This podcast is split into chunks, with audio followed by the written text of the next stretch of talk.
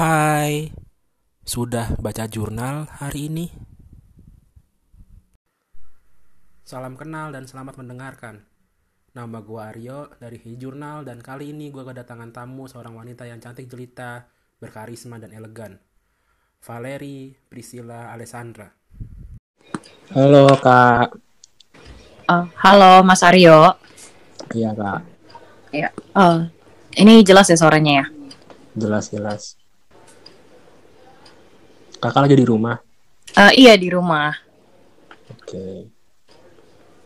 Oke, ini kan uh, jadi uh, kali ini gue bakalan ngomongin soal uh, sesuai sama ini kakak apa background kakak ya. Oke, okay, Nah, sedikit, sedikit informasi sebelum uh, kita masuk ke obrolan ini. Uh, manggilnya apa nih, Kak Valeri, Priscilla atau? Oke, okay, jadi uh, nama aku Valeri Sandra uh, biasa dipanggil Valeri. Mbak Valeri ini kan uh, sekarang bekerja di uh, asisten eksekutif ya? Iya betul, jadi executive assistant to BOD di GoPay. Oke, okay, jadi uh, aku itu kan kerjanya di GoPay, uh, which is uh, office-nya itu di Pasaraya Blok M. Oke. Okay. Ya, jadi kita satu satu kantor sama seluruh unit di Gojek sih. Tapi kita yang di office-nya yang di Pasaraya Blok M. Oke. Gojek bukan dulu di daerah Kemang ya? Apa udah pindah, Kak? Oh, kalau yang di Kemang itu tetap ada, tapi itu khusus untuk driver-driver sih. Jadi itu untuk yang logistik yang untuk mereka yang sebagai driver bisa langsung ke kantornya tuh yang di sana. Kalau kita tuh yang khusus office-nya. Oke. Nah, uh, eh, BOD ini kan kalau nggak salah itu kayak pendiri gitu nggak sih? Pendirinya yang punya saham gitu-gitu nggak sih? Oh iya, jadi kalau BOD itu dalam artian board of directors sih kak. Jadi uh, aku handle khusus uh, directors yang ada di GoPay. Oke. Okay. Uh -uh. agak-agak kaget nih pas ngeliat di Instagramnya kan foto ini apa kayak uh, posa gitu modeling gitu gue kira ini kafe ini uh, seorang model gitu loh gak kerja di kan yang wah itu kan udah apa sih namanya udah besar banget kan Gojek mah tapi itu iya. sekarang bisa ya Gojek Gojek sendiri GoPay sendiri gitu ya oh iya jadi uh, kan GoPay itu tetap di bawah payung Gojek hmm. cuman memang ini dua PT yang berbeda Oke. Okay. Uh -uh. Nah, gue tuh uh, agak bingung sih di sini di ada istilah di sini kan uh, kakak menjabat kayak asisten eksekutif gitu lah. Nah, iya betul. Bedanya uh, asisten biasa sama eksekutif itu apa? Tapi gue mau bacain dulu nih dari gue dapat dari internet nih apa apa itu asisten eksekutif yang gue dapat di dari World Scholarship Forum. Mm-hmm. Di sana itu dibilang kalau keterampilan utama yang harus Anda miliki jika ingin belajar menjadi asisten eksekutif adalah keterampilan manajemen sumber daya manusia yang efektif dan multitasking. Nah, asisten eksekutif yang sukses adalah manajer sumber daya manusia yang juga memiliki keterampilan juggling yang sempurna antara sejumlah tugas secara bersamaan asisten okay. memiliki suara besar dalam operasi kantor dan politik dan mungkin sering berkontribusi pada arahan strategis bisnis selama beberapa tahun. Nah, kakak nih yang gimana nih? Oke, okay, jadi uh, sebenarnya itu kalau scope of work aku sebagai executive assistant uh, lebih ke tiga fungsi yaitu uh, schedule, travel, dan expense uh, schedule itu apa. Jadi aku manage uh, day to day schedule-nya para atasan aku. Jadi aku memegang lima orang nih, lima uh, lima director, lima chief level di GoPay. Nah, aku itu ngebantuin untuk day to day schedule-nya, setting meetings, sama kalau misalnya mereka ada kayak keperluan gitu dan harus misalnya reschedule semua meeting, nanti aku bantuin Terus okay. uh, travel. Kalau travel tuh lebih kayak aku ngurusin accommodations-nya mulai dari uh, flight tickets, uh, hotel, terus uh, misalnya mereka butuh pick up di airport atau butuh sewa mobil. Nah, itu aku yang cari. Terus kalau untuk yang terakhir yaitu expense itu aku lebih ngebantuin untuk uh, reimbursements. Jadi kan mereka pasti ada uh, sometimes kalau traveling tuh uh, keluar uang sendiri kan, jadi harus diurusin untuk reimbursementsnya hmm. atau bantuin medical reimbursements yang di cover di kantor. Lebih ke itu sih, jadi uh, lebih ke personal things mereka yang uh, memang perlu dibantu gitu loh. Oke, jadi uh, urusan-urusan yang istilahnya kayak perintilan-perintilan gitu ya, kayak Iya betul kadang bantuin untuk kayak misalnya minta data ke tim lain atau kayak ngumpulin data terus kasih ke dia untuk dia assess itu juga ada sih tapi memang nggak sering. Oke, okay. uh, eh, berarti kayak uh, apa nih uh, sebagai manajemen sumber daya itu termasuk berarti ya? Apa? Uh, tem- uh -uh. Sini kan ada uh, keterangan kalau harus memiliki keterampilan manajemen sumber daya manusia. Mm-hmm, iya. Gitu. Itu berarti termasuk juga.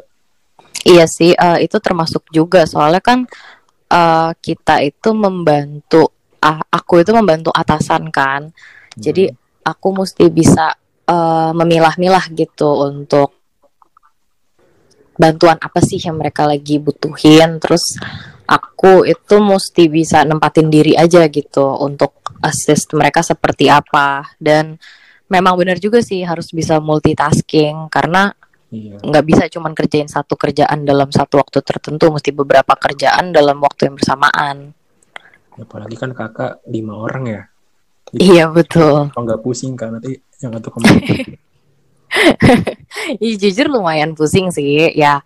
Tapi karena udah backgroundnya dari dulu memang ngebantu yang seperti itu memang udah kerjaannya jadi asisten dari dulu jadi udah udah oke okay lah udah terbiasa.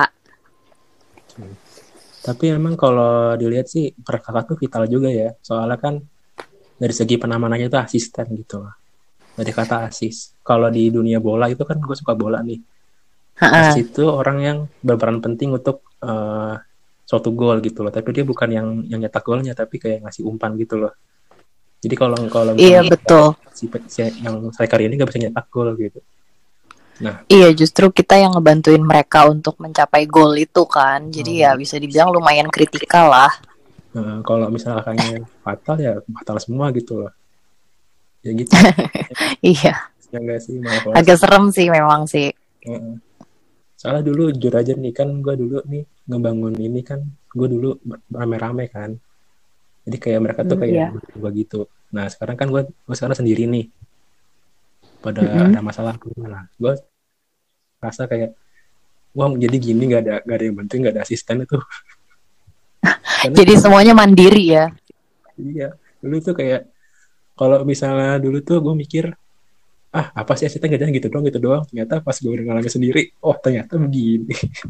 Ribetnya gitu. Iya betul. Ha kan kayak kerjain semuanya sendiri tuh emang capek juga kan? Kadang butuh ya. kayak orang lah buat ngebantuin. Nggak harus semat eh, nggak uh, semata-mata harus asisten deh tapi kayak paling nggak orang yang bantuin kan? Uh -uh. Itu iya iya. harusnya gue nggak harus begini nggak harus ribet-ribet kayak apa gitu. Tahu-tahu karena gue harus sendiri gitu. Iya. Iya sih itu butuh penyesuaian banget sih untuk ngerjain semua semuanya sendiri. Apalagi kalau dulu ada yang bantuin.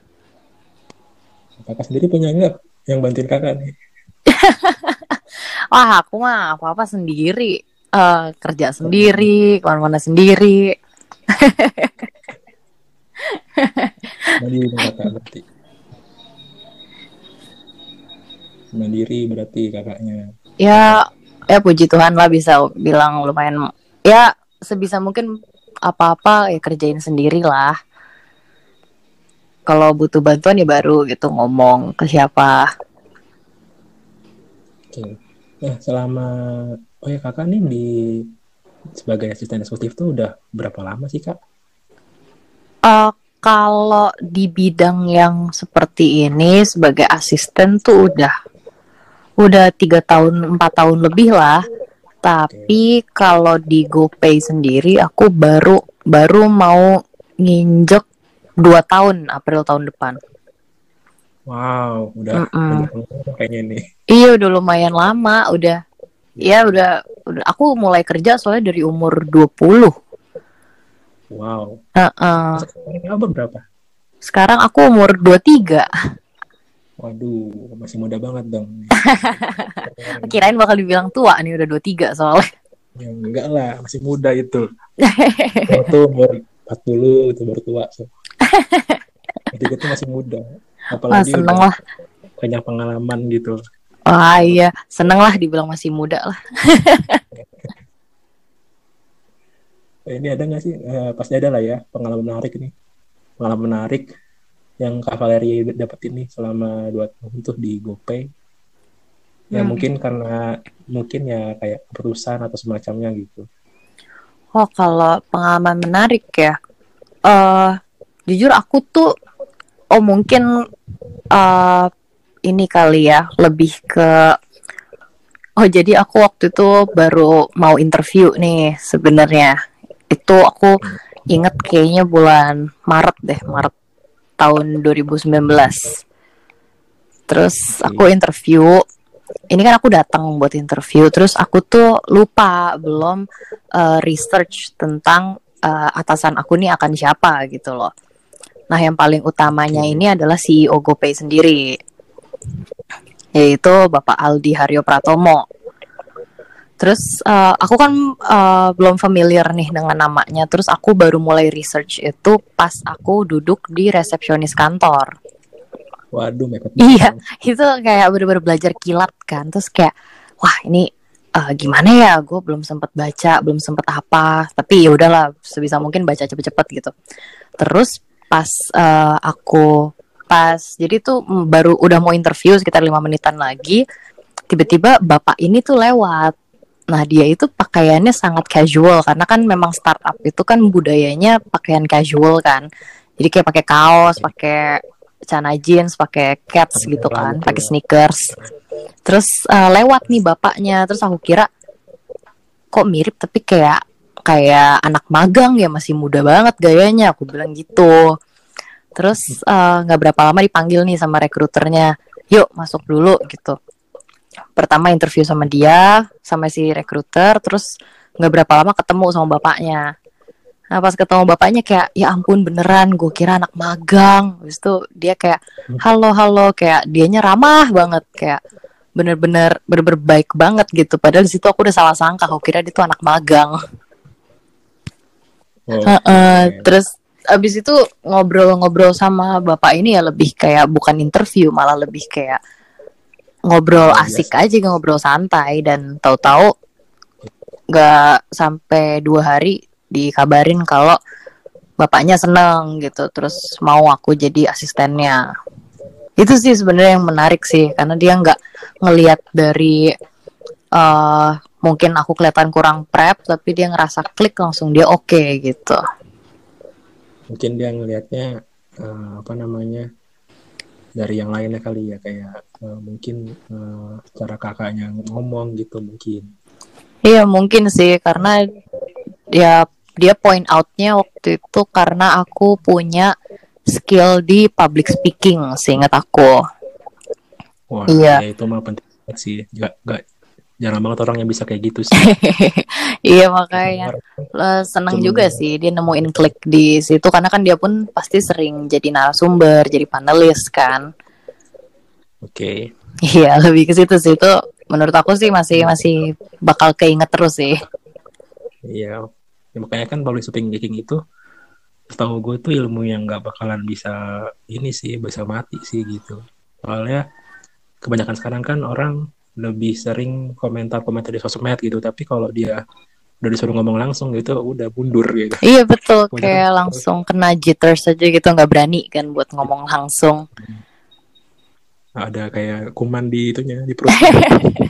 Iya kayak langsung takut tuh sakit perut kan nggak bisa Iya. ngomong. Tapi kalau di sosmed, wow, Kalau di sosmed keluar-keluar gede banget ya. keyboard warrior, keyboard warrior. Iya parah-parah sih. heeh.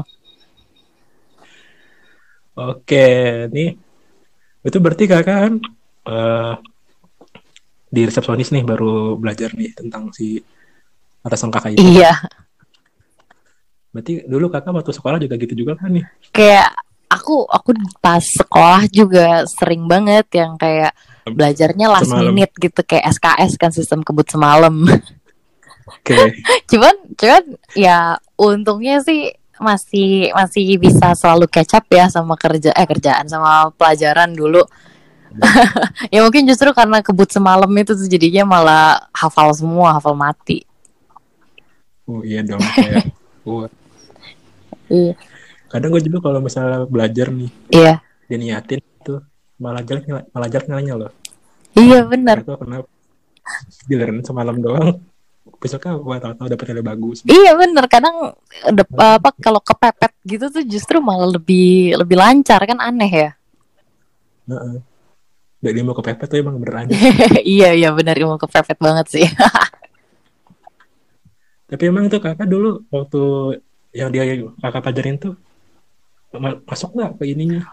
Ke waktu kakak interview? Eh, Sebenarnya enggak sih. Jadi eh ya bisa dibilang eh, aku tuh agak terbalik-balik gitu ya karena zaman SMA aku itu IPA. Terus kuliahnya aku malah ngambil manajemen. Oke. Tapi Kayaknya tuh ya, Kak. tapi kerjanya malah jadi asisten. jadi emang emang ini sih agak bingung sih. Cuman ya Ya, ya namanya juga hidup kan nggak ada yang tahu kan jalannya kayak gimana. Jadi mungkin lebih bersyukurnya adalah pernah pelajarin beberapa skill meskipun di eh, kerjaan sekarang nggak kepake skillnya tapi eh, mendatangkan keuntungan juga gitu loh. knowledge juga di sana. ya. Iya betul dan di sini pun jadinya belajar hal baru juga kan. Ya soalnya kan setahu aku sih eh, kita tuh yang penting usaha gitu loh. Nanti kalau misalnya kayak kerjaan gitu-gitu tuh rezeki itu masing-masing gitu loh. Ada orang yang eh, ngotot pengen kerja di sini misalnya, tapi itu bukan bukan daerah dia bisa bisa nyari uang yang gak bakal dapat gitu loh. Iya betul Gitu. betul. Iya kadang di tempat baru kita belajar hal baru kan. Benar. Teman baru, lingkung- lingkungan baru, Iya. dan juga adaptasi baru kan. iya benar-benar. Ada nggak nih kesulitan buat adaptasi itu awal-awal di eh, bagian ini gitu di Go, di GoPay? Eh, awalnya sih eh jadi aku sebelumnya memang udah pernah kerja di startup, cuman enggak yang sebesar ini kan dan se multi level ini kan. Jadi awalnya tuh aku agak kagok sih. Jadi eh, culture shocknya ada gitu karena kan eh dengan kerja di sini kan kayak startup itu kan kalau soal jam kerja kan memang enggak enggak se strict kalau kerja di korporat gitu ya yang 9 to 5 kadang jamnya itu kan agak lebih fleksibel bisa sampai malam masih kerja gitu. Awalnya lebih Iya. lebih susah adaptasinya di situ sih. Terus em, dengan orang-orangnya juga karena kan ketemunya dengan kebanyakan expat gitu loh. Terus dengan orang-orang dengan background-background yang udah belajar di luar negeri di luar kota gitu. Awalnya sih lebih kagoknya di situ. Cuman so far sih justru malah seneng karena jadinya aku bisa ngembangin pengetahuan aku lewat orang-orang sekitar aku. Dan mereka pun eager buat ngajarin gitu 2020 ini kan bisa dibilang tahun yang iya menyedihkan iya betul karena ya ada COVID-19. Mm-mm, betul Nah, pasti ada nih kan kesulitan-kesulitan yang Kak Valeri ngalamin nih kan. Apalagi posisi Kak Valeri yang harus ngatur jadwal, travel. iya macam. betul Ini apa aja nih pengalaman di tahun ini gitu saat menghadapi pandemi. Em, jadi uh, kan di kantor aku ini kita mulai WFH work from home itu kan dari Maret pertengahan. Yang artinya kan udah mau setahun nih kita di rumah terus.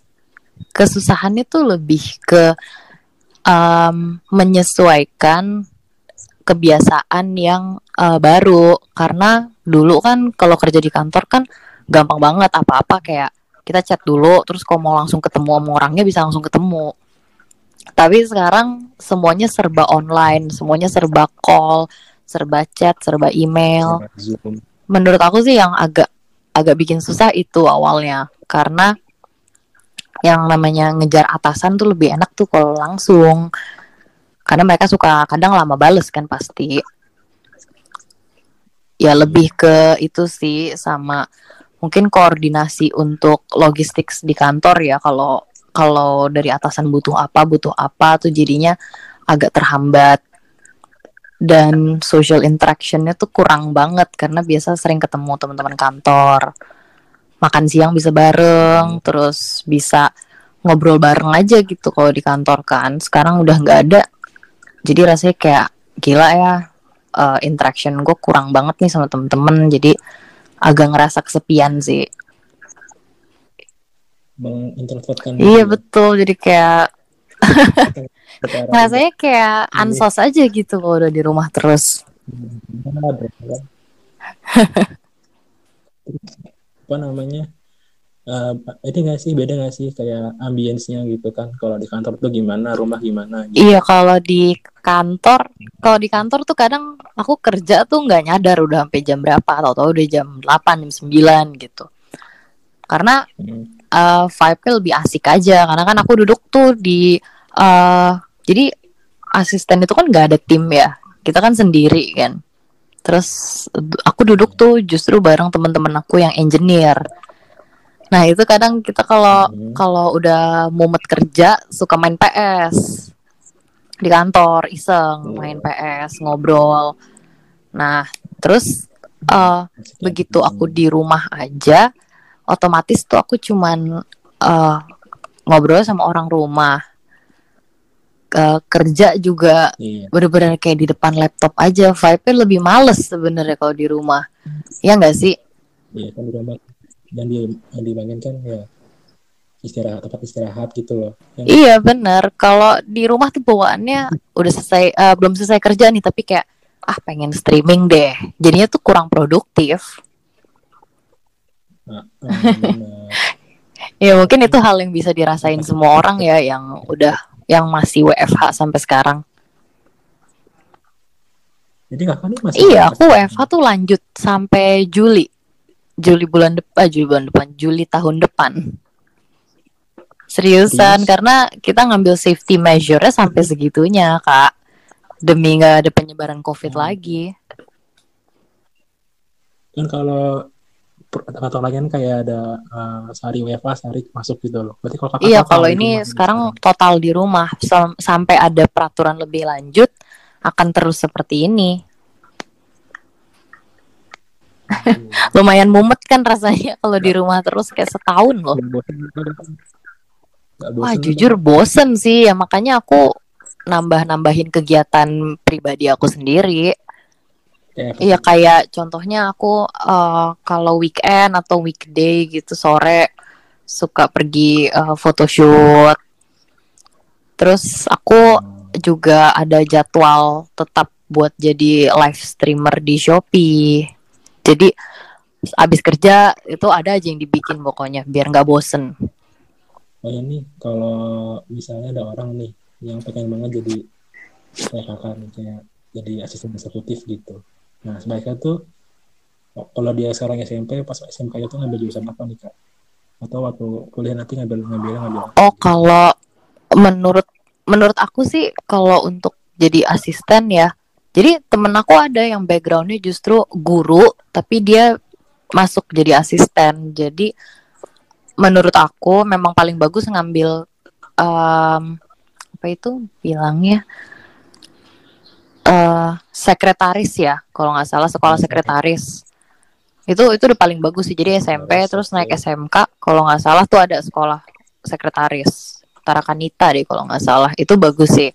Itu untuk persiapan nantinya ketika jadi asisten tuh kayak gimana. Terus kalau kuliah ya, hmm, hmm. jujur kalau untuk kuliah sih sebenarnya ap apa aja juga nggak apa-apa sih. Even kalau kalaupun kamu ngambil keguruan atau ngambil bahasa itu pun tetap bisa masuk jadi asisten.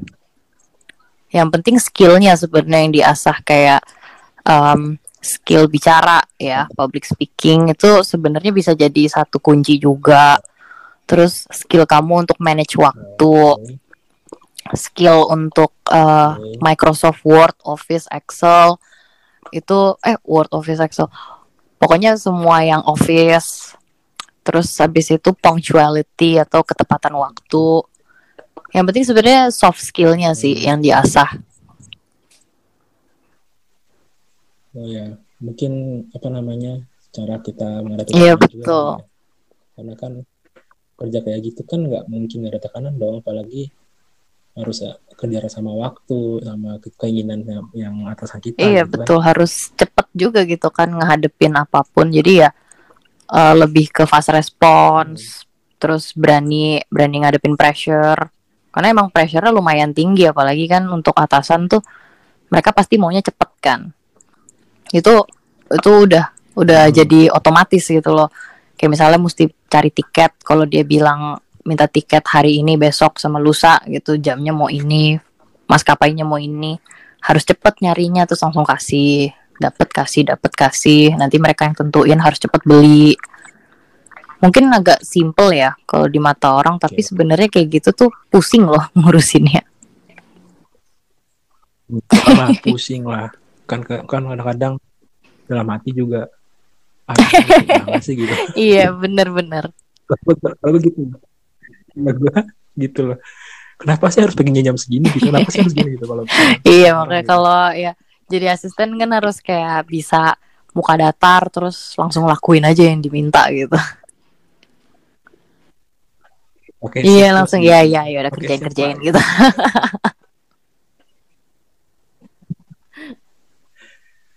Pernah nggak ada bentrok gitu?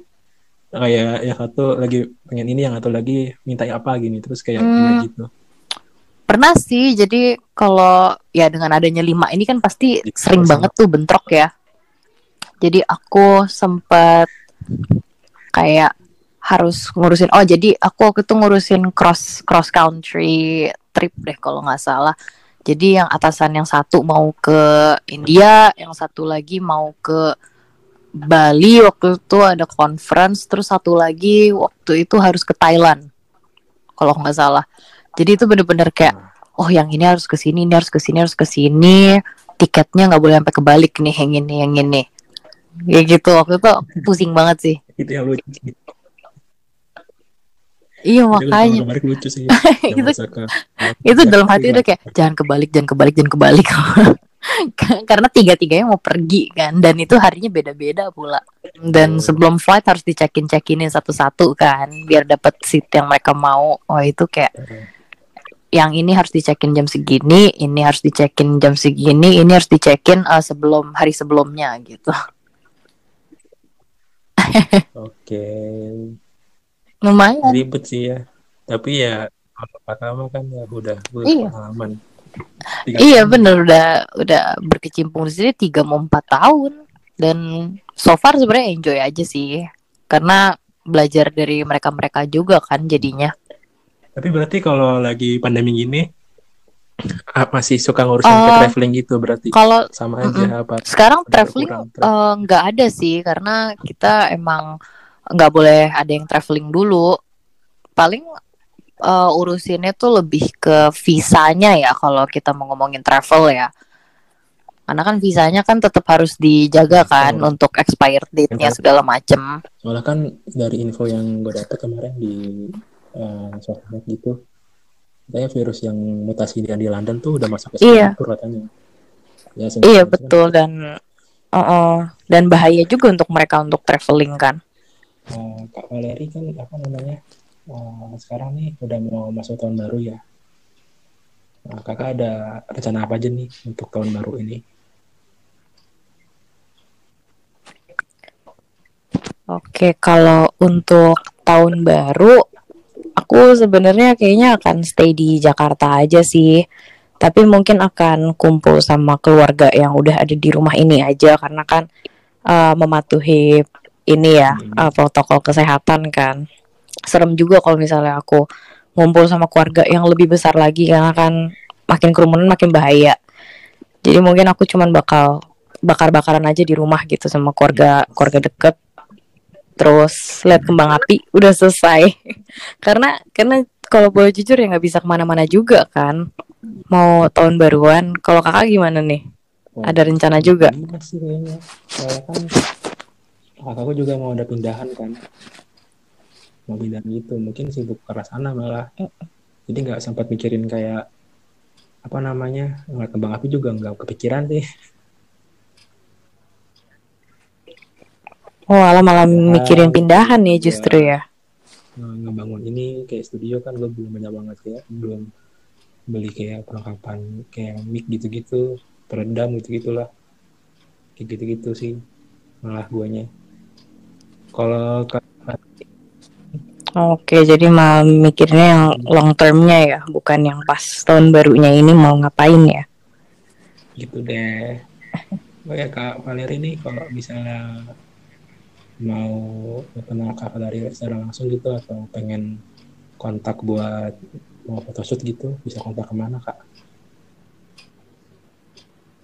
Oh kalau misalnya untuk untuk kalau misalnya inquiries kayak gitu aku bisa langsung di reach out di DM Instagram aku aja sih nanti aku pasti bales kalau uh, ada inquiries masuk karena kan nggak ada line account yang resmi buat itu. Jadi semuanya lewat Instagram aja. oke okay, username-nya di Valeri E Priscilla E nya ada dua kali. Nanti bisa langsung DM aja ke aku. Eh makasih banget ya kak. Udah apa namanya mau join nih. Nih kakak nih kita tamu pertama loh di sini loh. Ya ampun, makasih ya. Aku juga honored loh udah di invite di sini, Kak. Yang Iya, makasih loh ya. Sukses ya, terus ya kak ya. Buat uh, aktivitasnya buat hari ini besar ke depannya gitu. Baik ya, semoga kak sukses juga ya untuk podcastnya, untuk blognya, untuk semuanya. Makasih udah ngundang aku ya. Sampai nanti, sampai dan Siap. Bye bye, jangan lupa bahagia.